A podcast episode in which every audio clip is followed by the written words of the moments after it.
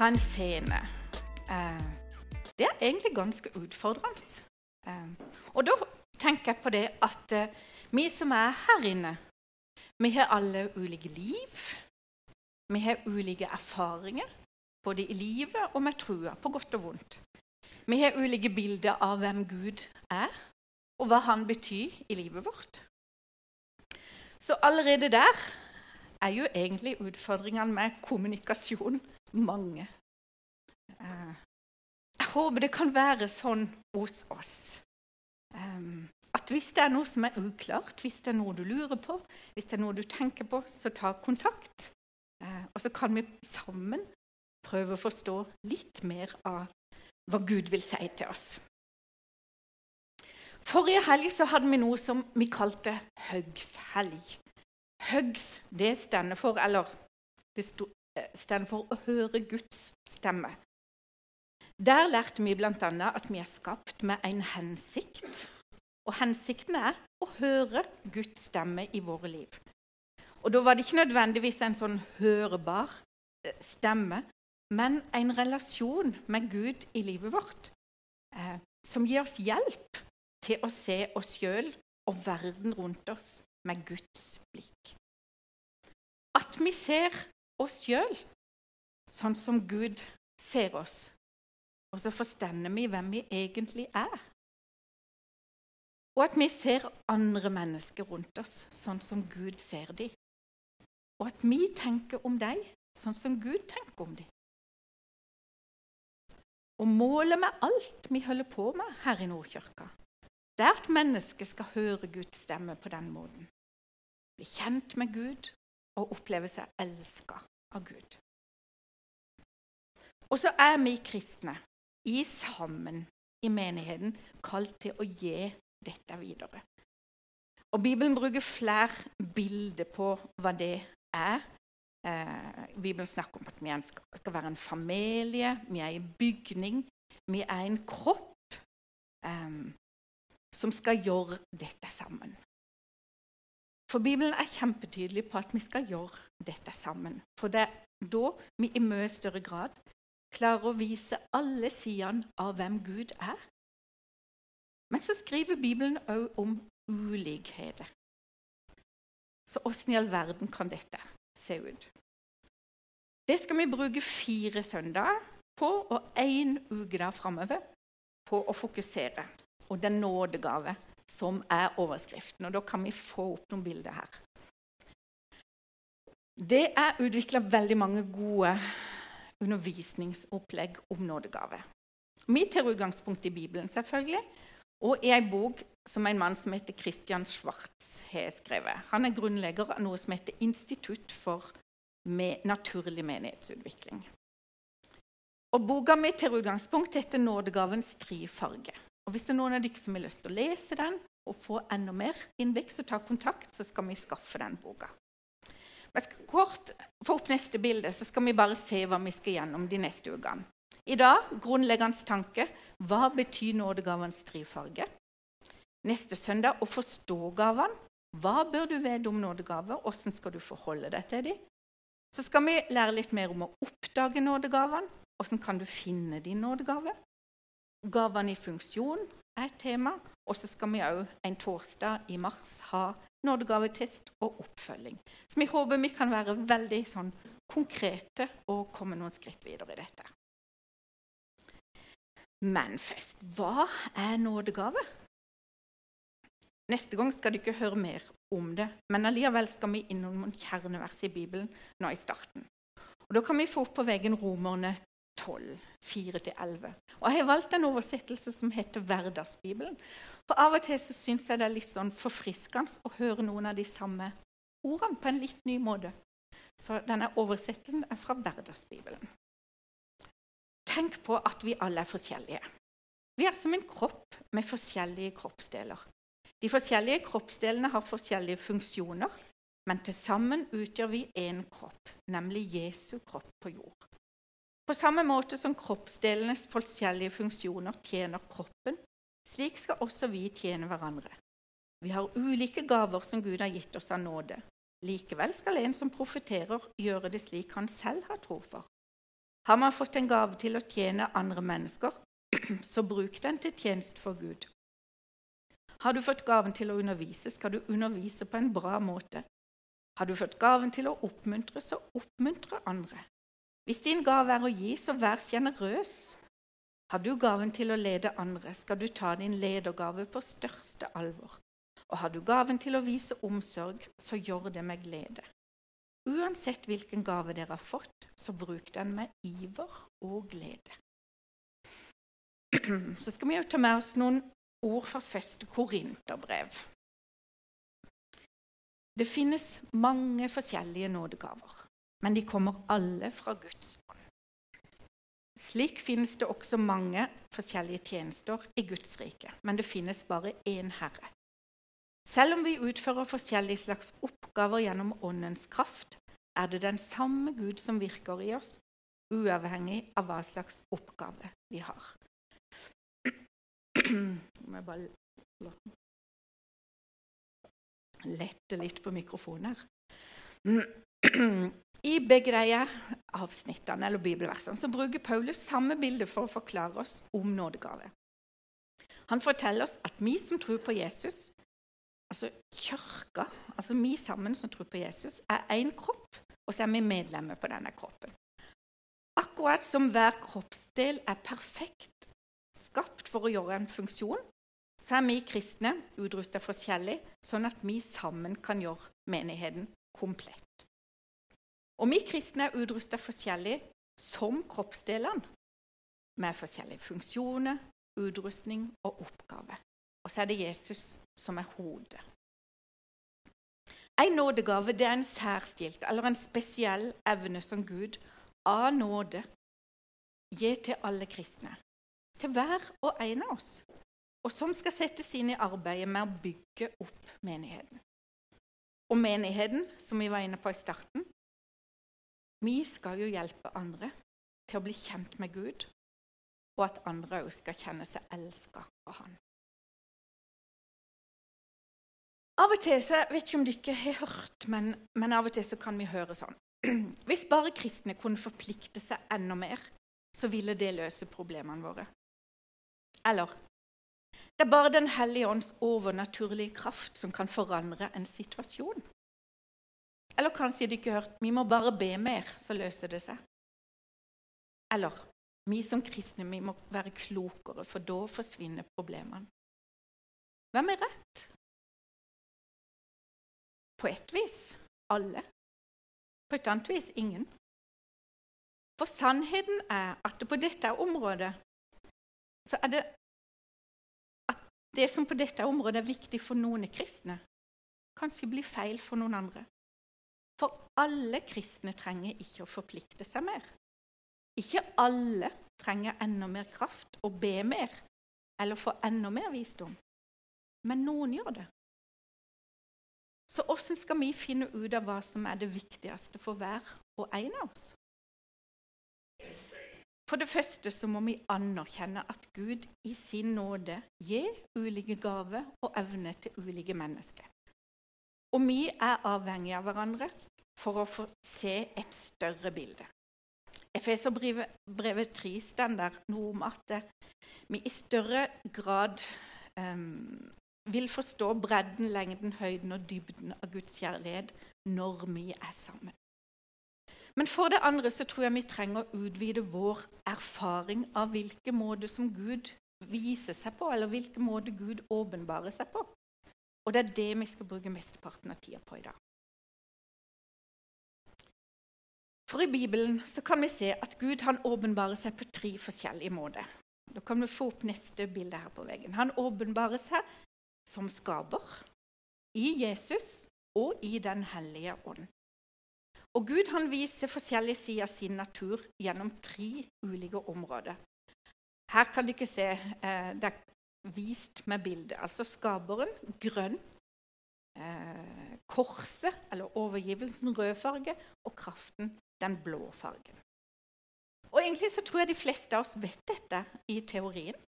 Eh, men i praksis er det ganske utfordrende å integrere alle de tre sidene i livet vårt. De aller fleste av oss har en tendens til å være prega av én eller to av de dimensjonene i treenigheten. Og noen kristne mener at fokuset på skaperverket og miljøet er det aller, aller viktigste. For andre er det korset og oppstandelsen som er på en måte det viktigste. Og andre igjen har fokus mest på Den hellige ånd og de mer karismatiske gavene, som f.eks. handler om tungetale og helbredelse. Det er satt litt på spissen, dette her. Men hvis vi ser litt på oss sjøl, og kanskje noen andre rundt oss òg, så kan vi kanskje se litt sånn tendenser hvor, hvor vi er i dette landskapet. Og sånn kan det òg være for menigheter. Igjen så karikerer jeg litt, men Nordkirka og vår bevegelse er, er nok tradisjonelt mest opptatt av Jesus, legger vekt på sannheter, inviterer til et personlig møte med Jesus og et stort fokus på tjeneste, altså den her røde sida. Pinsebevegelsen lever kanskje mer i kraften av Den hellige ånd og den mer overnaturlige dimensjonen i trua, altså den blå sida. Mens Den norske kirke kanskje aller mest trøkk på Gud som skaper, gjennom miljøengasjement, gjennom kamp for rettferdighet, menneskerettigheter osv. Igjen karikert, og dette er ikke, dette er ikke matte, men, men, bare for å på en måte vise litt sånn eh, ulike sider og gjøre poenget litt tydeligere. Og Jeg tror mange frustrasjoner og utfordringer vi møter mellom oss kristne, men også kanskje mellom menigheter, gjør at vi har, gjør, har en grunn i at vi har en begrensa forståelse av den treenige Gud. Og vi trenger alle sammen å bli mer trifarga kristne og menigheter. Ikke at alle til enhver tid skal være helt like og reflektere alt. Det går ikke. Men øve opp vår forståelse av rikdommen som finnes, og hvem vår Gud faktisk er. For Gud er så mye mer enn det du og meg i vårt utgangspunkt forstår. Men hva har dette med nådegave og nådegavebasert tjeneste å gjøre?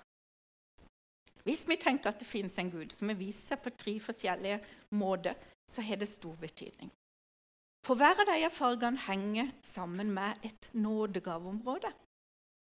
Og Derfor er det viktig for oss å finne ut av hvilket område vi er sterke på, og hvilke områder vi trenger å utvikle oss på. Dette kan kanskje bli litt sånn teknisk. Han er tross alt tysker, han herre som stender bak det.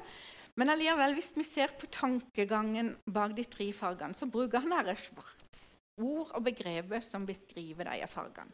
Du kan sette opp neste bilde her. Den blå farge handler om kraft. Den røde farge handler om overgivelse. Og den grønne fargen handler om visdom.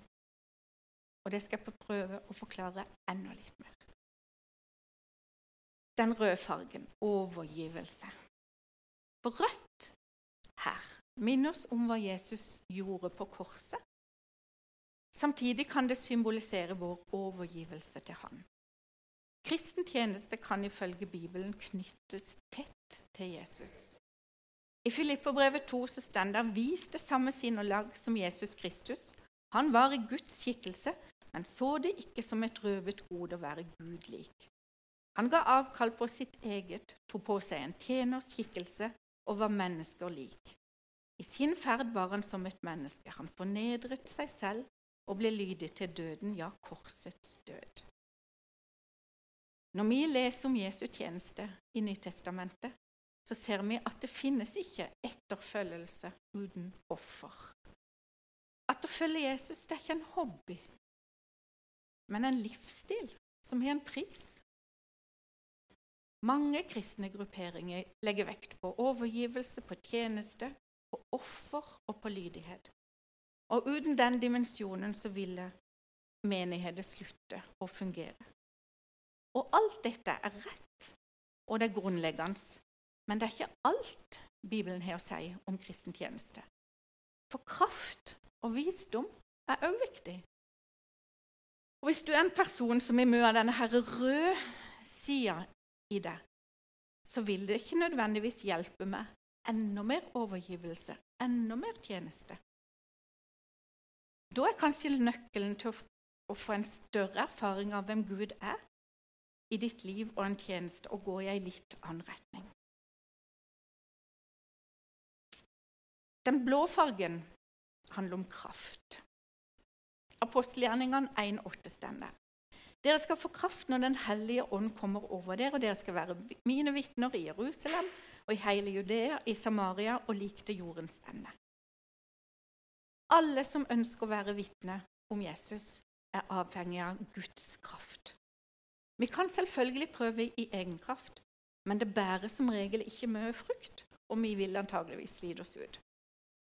Allikevel så er det nok sånn vi holder på en del ganger.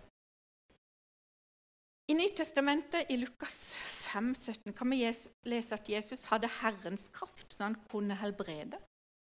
Og I Markus 6 så kan vi se at Jesus ikke kunne gjøre et under. Dette viser jo til Jesu tjeneste og ikke vår. Men til og med for Jesus så kan det virke som om kraft var noe som både kunne være der og ikke kunne være der. Og da må det gjelde enda sterkere for oss. Jesus han lærte disiplene at det kunne være tider der de måtte vente på kraft. Hvis ikke så ville ikke tjenesten bære frukt. En kan kanskje tenke seg at to kristne er samme tjeneste, og den ene lykkes og bærer frukt, og den andre stagnerer. Forskjellen handler nok ikke om hvor overgitte de er, og hvor mye de tjener på det røde området, men kanskje om overgivelsen er knytta sammen med kraft. Vi skal både tjene og søke å få Guds kraft. Den grønne fargen, da, visdom. Visdom det er et viktig begrep både i Gammeltestamentet og i Nytestamentet. Noen bibelske skrifter kalles visdomslitteratur, f.eks. Ordspråkene, Forkynneren, del av Jobbs bok og også noen salmer. Nytestamentet understreker hvor viktig det er med visdom i liv og i tjeneste. F.eks. i Jakob 1,5. Dersom noen av dere mangler visdom, stemmer, skal han be til Gud, og han skal få. For Gud gir til alle villig og uten bebreidelse. Visdom i Bibelen er praktisk. En vis person i Bibelen er ikke en abstrakt filosof eller en teoretiker med mange ideer. Visdom er det motsatte av ideologi som preges av svart-hvit-tenkning. En vis person i Bibelen er en som kan anvende kunnskapen sin på de spørsmål som menneskene har. Kanskje en som i stor grad kan integrere alle de tre sidene en vis person vet at vi er avhengig av åndelig kraft, og at visdommen må føre til konkret handling. Det er sunn visdom. Og Paulus han kritiserer en forståelse av visdom som mangler åndelig kraft, overgivelse eller begge deler. Litt sånn oppsummering så langt. Gud han gir i sin nåde spesielle evner og gaver til alle kristne, som han ønsker at vi skal bruke for å bygge opp menigheten. Så har vi forskjellige gaver. Det er en styrke, for sammen forstår vi da å leve heilere som Jesu kropp på jorda. Og så viser Gud seg på tre forskjellige måter, som skaper, som frelser, som Den hellige ånd. Altså gjennom visdom, gjennom kraft og gjennom overgivelse. Og våre gaver henger sammen med de områdene, og ofte er vi sterkest på ett eller to av de områdene. Skal jeg gi dere noen flere eksempler, og da noen bibelske eksempler? Husker dere Thomas, eh, disippelen til Jesus, som blir kalt tvileren? Hans sterkeste side var nok hans kritiske sans og det at han hadde ei sånn spørrende holdning. Han søkte ofte til, til, kjernen i en sak. Når f.eks. Jesus eh, i Johannes 14 svarer på de kjente versene 'Jeg er veien, sannheten og livet. Ingen kommer til Far uten ved meg', så kommer det som et svar på et spørsmål som Thomas hadde rett før. Hvis ikke sånne mennesker som Thomas eh, bryr oss med sine til tider ubehagelige og masete, tykker vi kanskje, spørsmål, så ville nok kristendommen på mange vis ikke gjort framskritt. Vi trenger mennesker i menighetene våre som ikke tar altfor god fisk. De som spør, de som har begrunnelse, de som tviler. Er som må se bevis. Av og til så opplever vi kanskje at de forstyrrer oss litt. Men vi trenger alle å lære av deres perspektiv. Men Thomas' sin styrke det var òg svakheten hans. For noen mennesker med store analytiske ferdigheter kan være veldig dyktige på refleksjon og analyse, men kanskje mangler noen av dem overgivelse og kraft. Og de velger ofte å holde seg litt unna når mer sånn åndelige ting skjer. De har mye grønt, visdom, men mangler kraft, til blå, og overgivelse, rødt. Og så er det kanskje litt typisk for en sånn Thomas-type å si, sånn som disippelen Thomas sa til Jesus. Hvis ikke jeg får sett naglemerkene i hendene dine, eller legger fingeren i sida di, i såret ditt, så vil jeg ikke tro. Og så møtte ikke Jesus Thomas da med kritikk. Nå bør du tro mer. Han ga respons til Thomas sin spørsmål med å oppfylle behovene hans for å se bevis. Og Først da sa han, 'Ikke vær vantro, Thomas, men tro'. På den måten viste Jesus at Thomas trengte å vokse i kraft og i overgivelse. Mange av dere kanskje også lest om søstrene Maria og Martha i Bibelen. Um, to søstre, to veldig forskjellige søstre. Og Jesus han kom på besøk til dem. Og så var reaksjonen deres og handlingene deres veldig forskjellige. Martha hun åpna hjemmet sitt for Jesus. Og Hun sjåkte i vei. Hun var travelt opptatt med å stelle for han, ordne for han, sette mat på bordet, passe at alt var greit rundt han. En litt sånn typisk rød kristen. Stor tjenersinn, stor overgivelse. Og uten Martha rundt omkring i verden så vil vi trolig stenge de fleste kirker. Men Martha hun hadde òg noen utfordringer. Hun klager på søstera si. Jesus, bryr du ikke deg om at jeg må gjøre alt alene? Si til Maria at hun skal hjelpe meg. Så prøver hun altså å kontrollere søstera si, sånn at hun skal bli like aktiv som seg sjøl. Og timinga oss er vel ikke helt klok heller. Det der med når en skal si hva, og på hvilken måte. Den var kanskje ikke like godt utvikla hos Martha.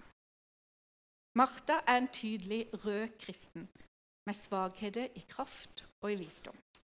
Åssen møter Jesus henne? Med anerkjennelse. Martha, Martha, som du strever og stender på. Du styrer meg så mange ting. Liksom, yes. Hun blir satt pris på, hun blir sett.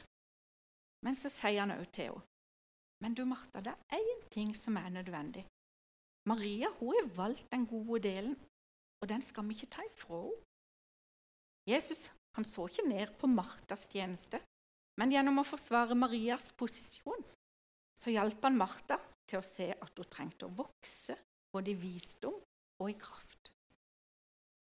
Og Maria, da, Marthas motstykke, hun er et eksempel på mennesket som, der den, nesten bare den der blå delen eh, gjelder. Eh, Maria hun satt med Jesu føtter og lytta til ordet hans. En atferd som passer på veldig mange som er som Maria. Det er en høy sans for det åndelige, den kraftdimensjonen. De kan ofte slippe alt de har i hendene, og gi seg helt hen.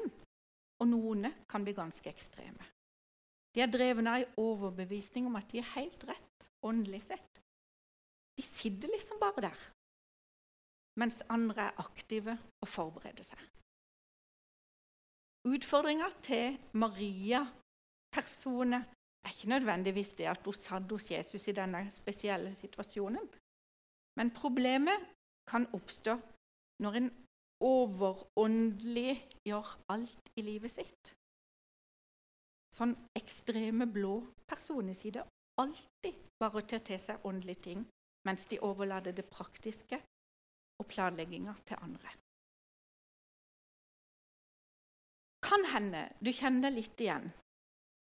I blått, i grønt eller rødt. I Thomas, i Maria eller Martha. Og Det kan forhåpentligvis hjelpe deg til å se tendenser hos deg sjøl, og hvor du er akkurat nå? Har du mest eh, har du mest sett den grønne dimensjonen av Gud i livet ditt? Har du mest sett den blå, eller mest den røde? Så kan alt dette beskrive noe vi mangler. Men ikke glem at de òg beskriver tydelig hvilke, hvilke styrker du har, hva Gud faktisk har gitt deg. Og det som er så fint, er at Gud han alltid bruker ufullkomne mennesker, eller i vårt bilde mennesker med tydelig fargemangler. Men så inviterer Gud oss òg til å vokse i tro og i modenhet. Til et rikere liv og en tjeneste der vi enda mer kan erfare hvem Gud er. Da jeg var rundt 30 år, og det begynner jo å bli noen år siden, så fikk jeg for første gang undervisning eh, om nådegave og nådegavetjeneste. Og det er noe jeg ser tilbake på som et stort eh, vendepunkt i mitt liv og i min tjeneste. For det ga meg frihet til å si ja og nei. Noe skal jeg engasjere meg i. Andre områder skal jeg ikke engasjere meg i. Og så hjalp det meg til å se hvem Gud har skapt meg til å være. At jeg elsker men jeg har òg et ansvar for å bruke det jeg har fått. Og så har det gjort meg så utrolig takknemlig for alle dere andre. Hvem dere er, og hva Gud har gitt dere. Og at vi kan være sammen om det. For vi utfyller hverandre, og det er så utrolig befriende. Jeg tykker menighet er et stort Guds under her på denne jorda. Kraften som ligger der i at vi er forskjellige og ulike. Og enheten i Jesus. Den er enorm. Og det er mye større kraft i dette enn vi noen gang kan fatte. Så jeg håper du vil bruke de ukene som vi skal jobbe mer med dette med nådegave, til å be Gud vise deg tydeligere hva dine gaver er, og åssen du skal bruke dem. Snakk gjennom med oss i pastorteam eller andre. Og så utfordrer jeg deg òg til å søke forbønn. Be for dette. Trekk Gud inn i det. Um, og nå, helt konkret nå når jeg avslutter her, så er det òg noen som vil stå bak og be, be for dere hvis dere ønsker om dette eller andre ting. Um, for Gud, han har alltid noe nytt for oss. Jeg vil utfordre deg til å ta imot um, det Gud vil vise deg, og det Gud vil kalle deg til. Vi skal be. Jesus, takk eh, for den du er. Takk for at du er sjefen, du er hodet, du er lederen. Eh, og så kan vi få lov til å tjene deg, Jesus. Tjene deg med det du har gitt oss og er gaven vi har fått, Jesus. Hjelp oss til å ta imot det du vil gi oss, og hjelp oss til å bruke det sånn som du kaller oss til, Herre. Ehm, for å se hvem vi er i deg, Jesus. For å se hvem andre er i deg, Jesus. Og for å sammen gi deg videre, Jesus, til mennesker rundt oss som trenger å møte deg. Jesus, Kall oss inn til deg, Jesus. Det ber vi i ditt navn.